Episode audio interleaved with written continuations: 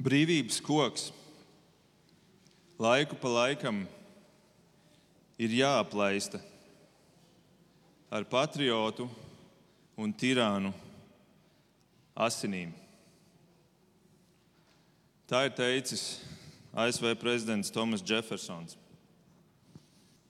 Šobrīd tieši tas notiek Ukrajinā. Tiek aplaistīts brīvības koks ar asinīm.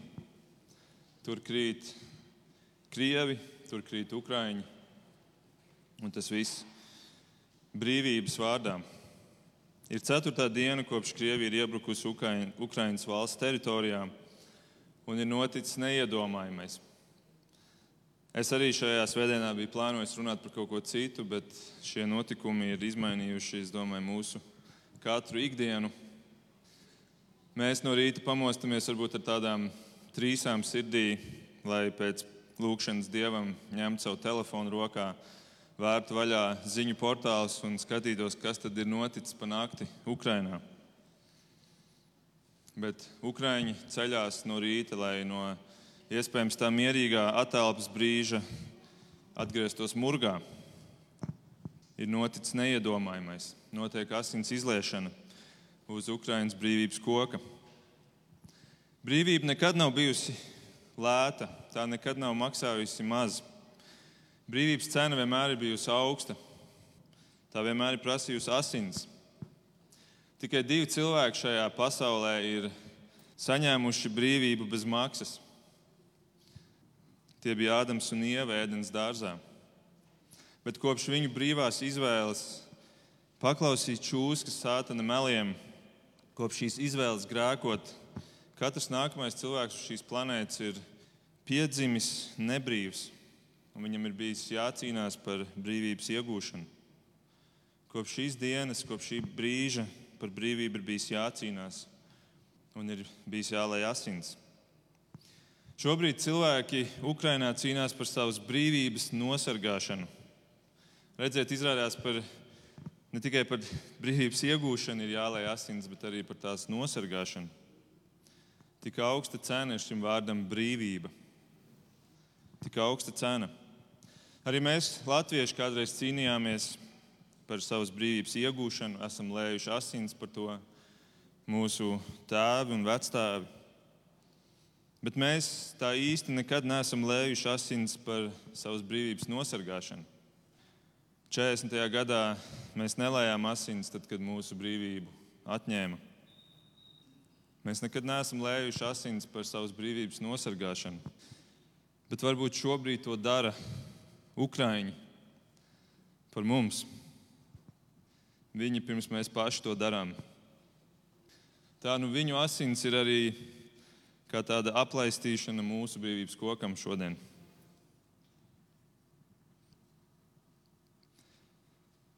Tad nepaliksim vienaldzīgi. Viņu cīņa ir arī mūsu cīņa.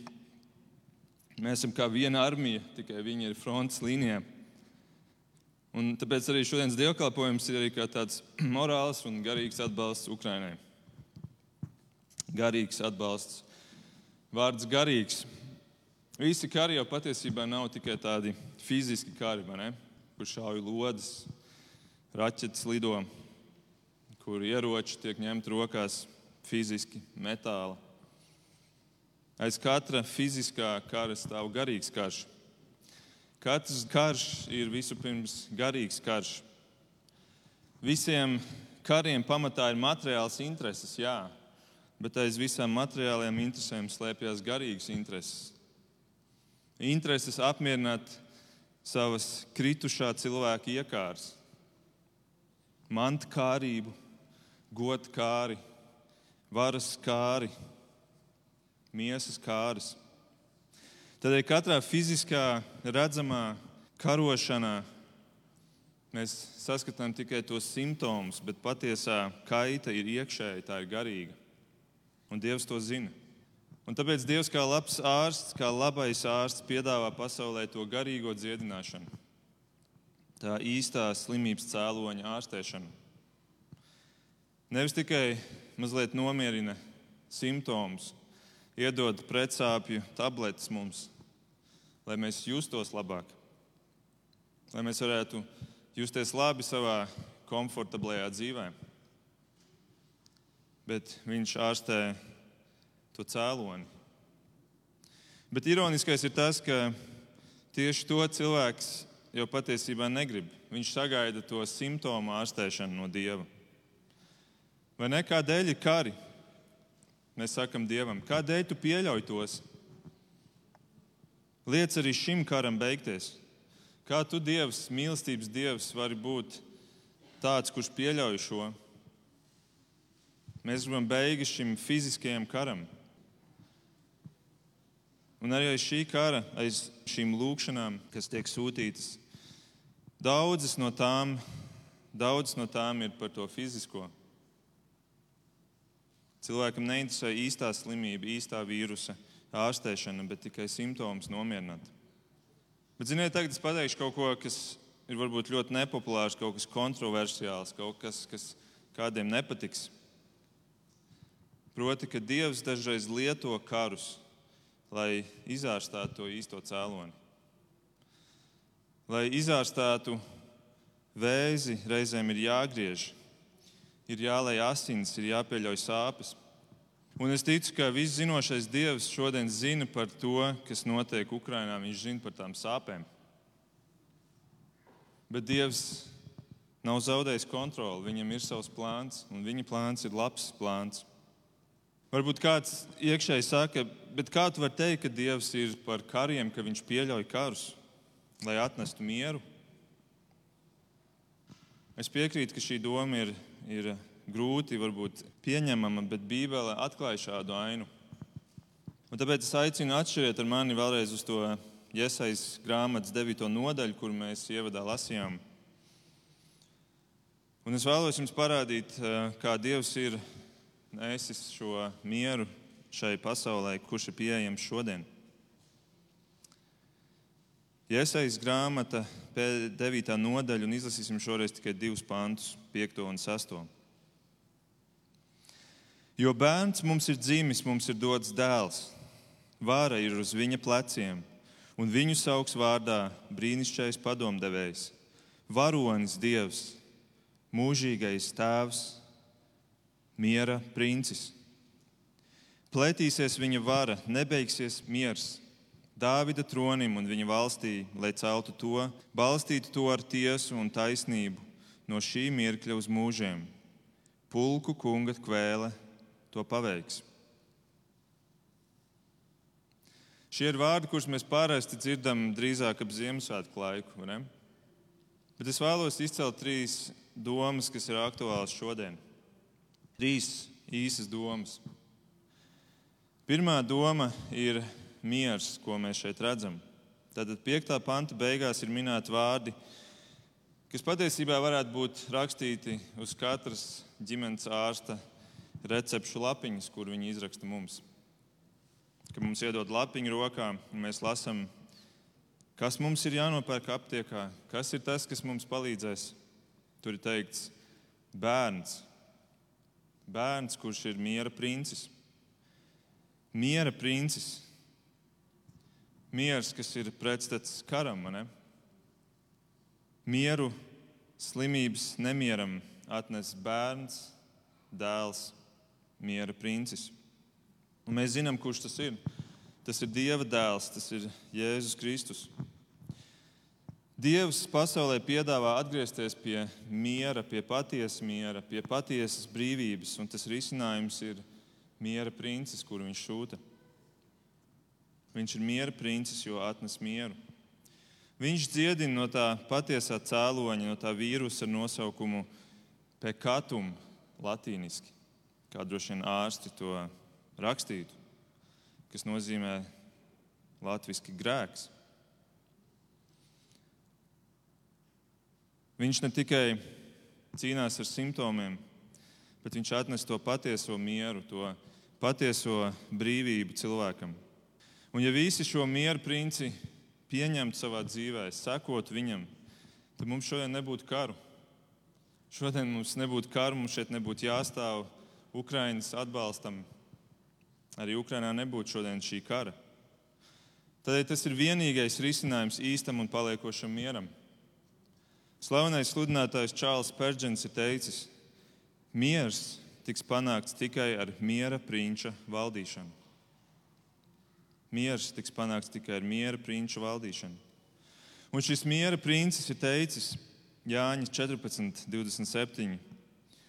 Es jums atstāju mieru, savu mieru es jums dodu. Es dodu jums ne tā, kā pasaule dod. Jūsu sirds, lai neiztrūkstas un neizbīstas. Un tie ir vārdi, kurus arī šodien viņš saka mums, savai draudzē. Kad apkārt plosās vētra un nemieris, mums ir šis miera princis, kurš ir atnesis to paliekošo mieru. Un tā ir tā arī šodien drošība, kurā mēs varam smelties. Kristū.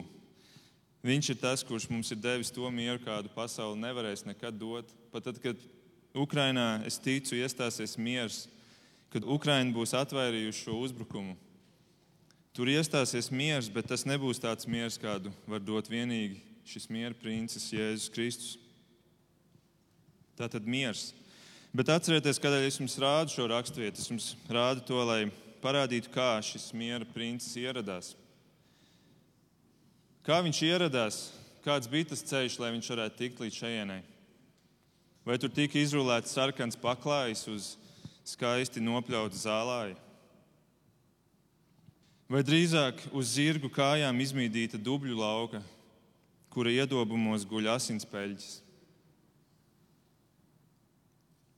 Paskatieties, sastā panta pēdējo teikumu.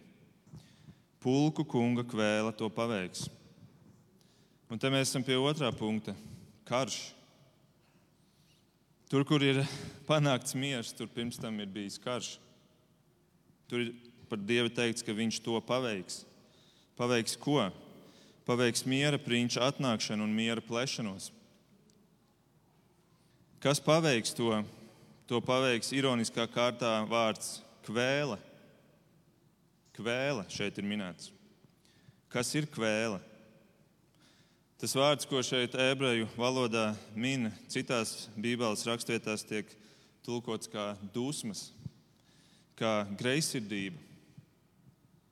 Tātad, pārfrāzējot sastāvā panta beigas, mēs varam teikt, Dieva dusmas un greizsirdība paveiks miera prinča atnākšanu un miera plēšanos pasaulē. Wow, cik pretēji vārdi! Dusmas, lai būtu miers. Izklausās, ka šis miers, šī brīvība ir tik ļoti dārga, ka ir vajadzīgs dieva dusmas, lai tās varētu tikt izcīnītas. Bet tas vēl nav viss, ja mēs paskatāmies, kā Dievs šeit ir nosaukts tajā sastāvā panta beigās. Tur ir minēts pulku kungs. Varbūt jūs esat kristieši jau, jau visu savu dzīvi, varbūt jau entajā paudzē, un jūs bieži esat dzirdējuši, ka Dievs sauc vecajā derībā par pulku kungu. Bet vai jūs esat kādreiz padomājuši, ko nozīmē šis vārds? Vai jūs esat kādreiz pārbaudījuši, ko tas nozīmē? Ja nē, neuztraucieties, priekš tam es šeit esmu šorīt. Tas nozīmē armiju dievs. Karapulku kungs, armiju dievs. Armiju dievs ir atnesis mieru pasaulē. Izklausās pēc tik jocīga teikuma, vai ne? Bet redziet, cik augsta cena ir mieram, kas atnes to brīvību. Cik augsta cena ir brīvībai visu pirms no grēka, kas pēc tam ir visu pārējo brīvību sakne. Redziet, pat dievam ir bijis jākaro, lai izcīnītu brīvību cilvēcei. Un, ja mēs paskatāmies uz Bībeli no tāda putnu lidojuma, tad vecā un jaunā derība būtiski atšķirās.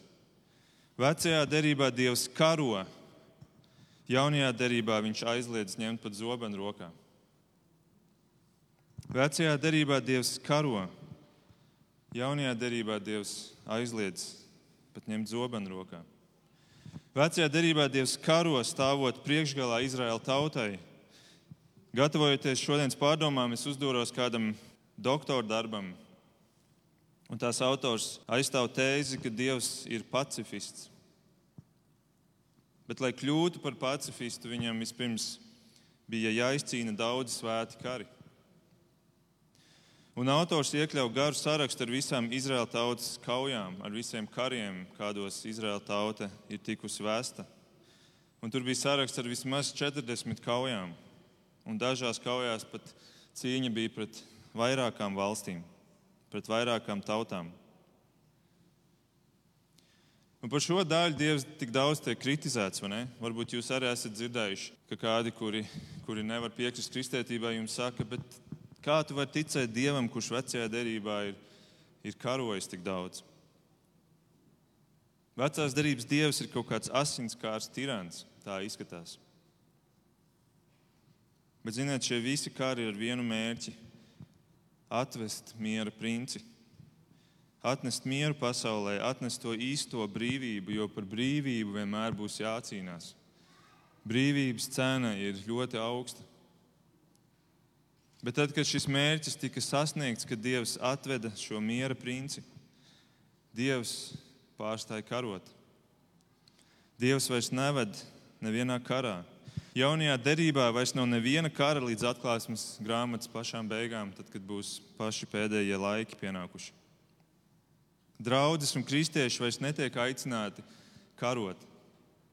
Jo caur vecās darbības kariem ir atnests jaunās darbības miers un brīvība. Un tikai tādēļ mēs šodien, skatoties uz Ukraiņas invāziju, jeb uz Krievijas invāziju Ukrajinā, mēs to uztveram ar sašutumu. Jo kristīgā vēsts ir radījusi rietumu pasauli, kurā nav pieņemts karot, izņemot aizstāvības dēļ. Kā kāds ir teicis, vienīgie aizstāvamie kari ir kari aizstāvībai, bet nevis agresijai. Nē, Dievs nav asinskārs tirants, viņš ir mīlošs, miera meklētājs.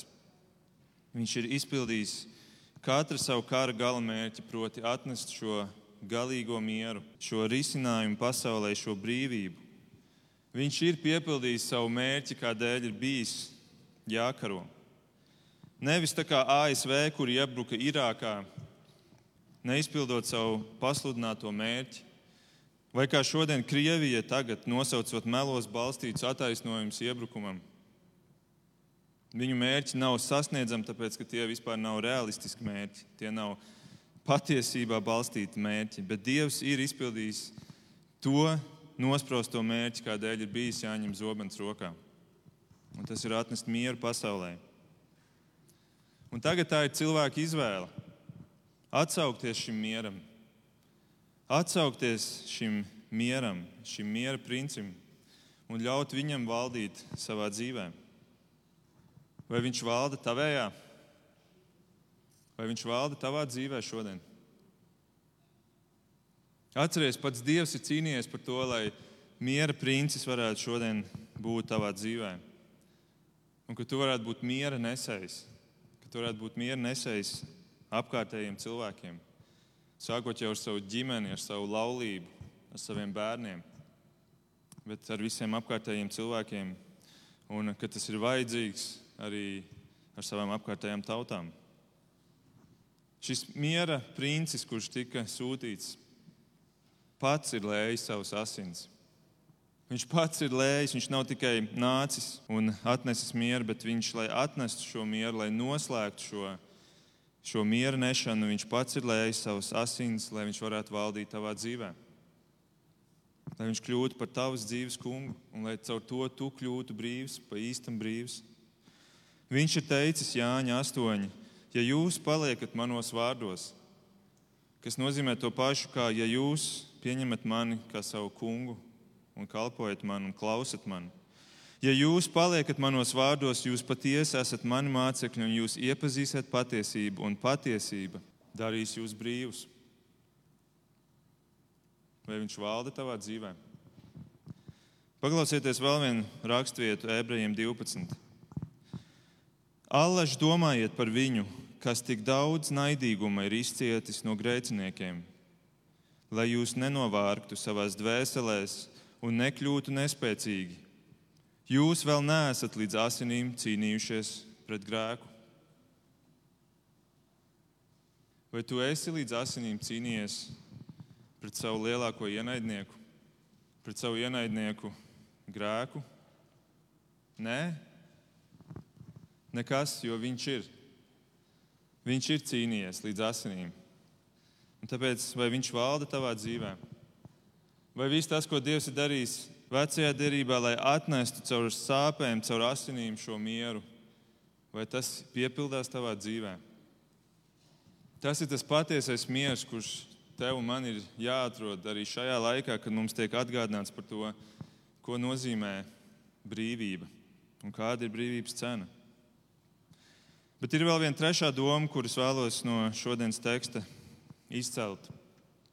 Mēs apskatījāmies mieru, mēs apskatījāmies, kā bijis vajadzīgs karš, lai atnāktu šis miers. Trešais vārds ir tiesa. Tiesa. Sastajā pantā, turpat pa vidu, ir vēl tāds teikums: Balstītu to ar tiesu un taisnību balstīt šo miera prinča valdību un viņa mieru ar tiesu un taisnību. Kas ir tiesa un taisnība, uz kuras balstās šī miera prinča valdīšana un viņa miers? Citiem vārdiem sakot, kas ir tas balsts tam mieram? Uz kā stāv tas Kristus miers? Kā praktiski izpaužās tas, tas miers, kurš tagad valda šeit virs zemes? Par tiesu un taisnību Bībele runā ļoti daudz, bet es vēlos tikai vienu vietu parādīt, vienu vietu izlasīt, kura, manuprāt, ļoti labi apkopo to, un kas arī ir aicinājums mums katram pārdomāt par to šajā dienā, kas ir tā tiesa un taisnība, kur arī no mums tiek sagaidīta. Viena no spilgtākajām vietām, kur runa ir par tiesu un taisnību, ir Mateja 25, kur Jēzus stāsta līdzību par pēdējo tiesu. Tātad tiesa, kurā tiek ņemti cilvēku darbi un tiek vērtēts kritērijs, vai tu esi darījis taisnību. Vai tu, kurš esi saņēmis mieru, kurš staigā ar dievu mieru, vai tu piepildi to, ko Dievs tagad sagaida no tevis? Mateja 25. Es lasīšu no 3.1. pānta un vienkārši paklausieties.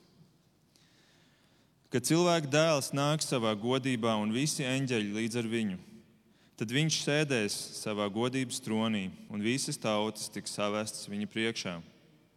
Viņš tās šķirs, kā gans nošķir avis no āžiem, un nostādīs avis sev pa labo roku, bet āžus pa kreiso. Tad ķēniņš sacīs tiem, kas pa labi Jūs, mana tēva svētītie, nāciet, iemantojiet valstību, kas jums sagatavota kopš pasaules radīšanas. Jo es biju izsalcis, un jūs devāt man ēst. Es biju izslāpis, un jūs devāt man dzert. Es biju svešinieks, un jūs mani uzņēmāt. Es biju kails, un jūs mani apģērbāt. Es biju slims, un jūs mani apraudzījāt. Es biju cietumā, un jūs nācāt pie manis. Tad taisnē viņam jautās, Kungs, kad mēs tevi esam redzējuši izsalkuši un esam devuši ēst, vai izslāpuši un esam devuši dzert?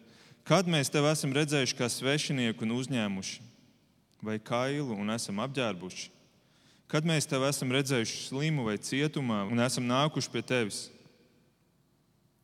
Un ķēniņš tiem atbildēs: Patiesi es jums saku, Visu, ko jūs esat darījuši vienam no šiem maniem vismazākajiem brāļiem, jūs esat man darījuši. Tad viņš sacīs arī tiem, kas pa kreisi: Ejiet prom no manis, jūs nolādētie, mūžīgā ugunī, kas sagatavota vēlnam un viņa eņģeļiem. Jo es biju izsalcis, un jūs nedavāt man ēst. Es biju izslāpis, un jūs nedavāt man dzert. Es biju svešinieks, un jūs mani neuzņēmāt. Es biju kails, un jūs mani neapģērbāt. Es biju slims un cietumā, bet jūs mani neapraudzījāt. Tad arī tie viņiem jautās: Kungs, kad mēs tevi esam redzējuši izsalkuši, vai izslāpuši, vai kā svešinieku, vai kailu, vai slimu, vai cietumā, un neesam tev kalpojuši? Viņš tiem atbildēs: Patiesi es jums saku, ko jūs neesat darījuši vienam no šiem vismazākajiem To jūs nesat man darījuši. Un tie ieies mūžīgā sodībā, bet taisnie mūžīgā dzīvībā. Āvis ir tās, kuras rūpējas par saviem līdzcilvēkiem. Āži nerūpējas. Āvis Bībelē ir simbols draudzēji. Āži nav salīdzināti ar draugu. Avīm nav ragu, tās ir par mieru, bet āžiem ir ragi. Un tas ir Jēzus simbols šīm divām pusēm. Ja tu esi par mieru, ja tu esi daļa no draudzes, tad kādu dienu Kristus par tevi teiks, ka tu esi rūpējies par cilvēkiem. Un tādējādi tu esi rūpējies par viņu. Viņš tajā dienā varbūt atskatīsies atpakaļ uz 2022. gada februāri un redzēs, kā tu esi palīdzējis ne tikai saviem līdzcilvēkiem Latvijā, bet tiem brāļiem un māsām Ukrajinā, kuri meklē patvērumu, kuri ir pazaudējuši jumtu virs galvas, kuriem vairs nav tīru drēbi, ko vilkt, jo viss, ko viņi varēja paķert līdzi dzīvoklī, mūkot prom, bija divas somas, kuriem drīz beigsies, ko ēst un dzert.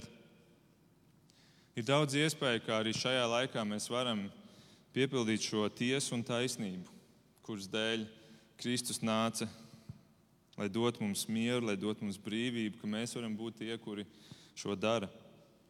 Palīdzēt tiem, kuru tautas brāļu asins tiek lietas uz brīvības koka, arī mūsu brīvības koka. Noslēdzot, vēlos teikt, tādēļ, ja tu šodien ziņā skaties tos baisos kadrus no Ukrainas, no Kijavas, kura karavīrs guļ blakus jaunam puisim, paslēpšies aiz automašīnas, lai viņiem netrāpa kāda lode, ar bailēm un ar asarām acīs, tad atcerieties, cik maksā brīvība.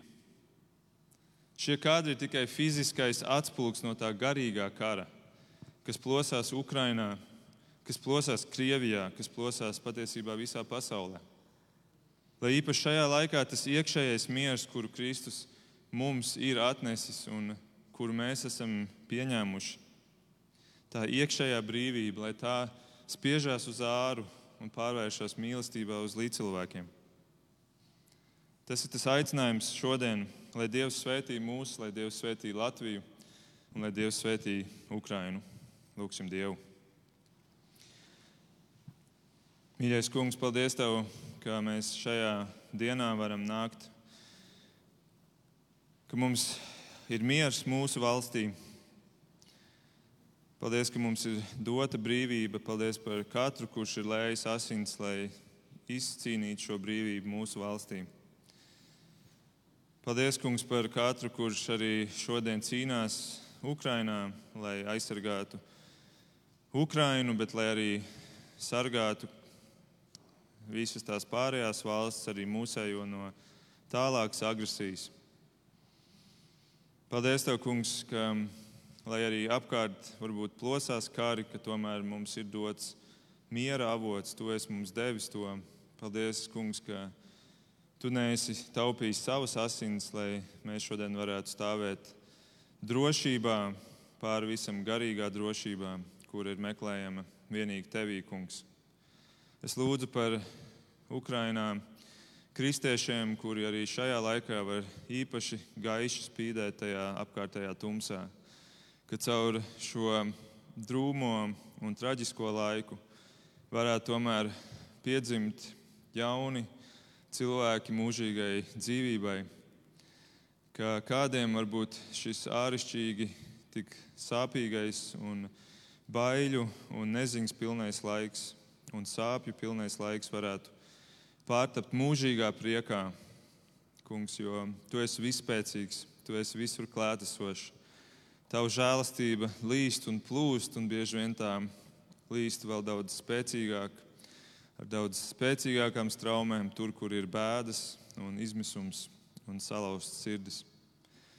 Lūdzu, stiprini šos mūsu brāļus un māsas, Lūdzu, arī stiprini mūs, ka mēs nepaliktu vienaldzīgi, bet ka mēs varam ne tikai šajā laikā, kad ir jāstājās plecu pie pleca par Ukrajinu, bet arī pēc tam, ka šis, šī vienotība, kuru mēs atgūstam, ka tā varētu arī stiprināt mūsu tautu, stiprināt mūsu arī draugus, stiprināt mūsu. Un, eh, kungs, ka mēs vienmēr arī varētu dzīvot ar pateicību par brīvību, nepieņemot to par kaut ko pašsaprotamu. Paldies, Tev, debes Tēvs, lai Tev ir gods un slāva un pateicība. To lūdzam mūsu Kunga, miera prinča vārdā, Jēzus vārdā. Amen.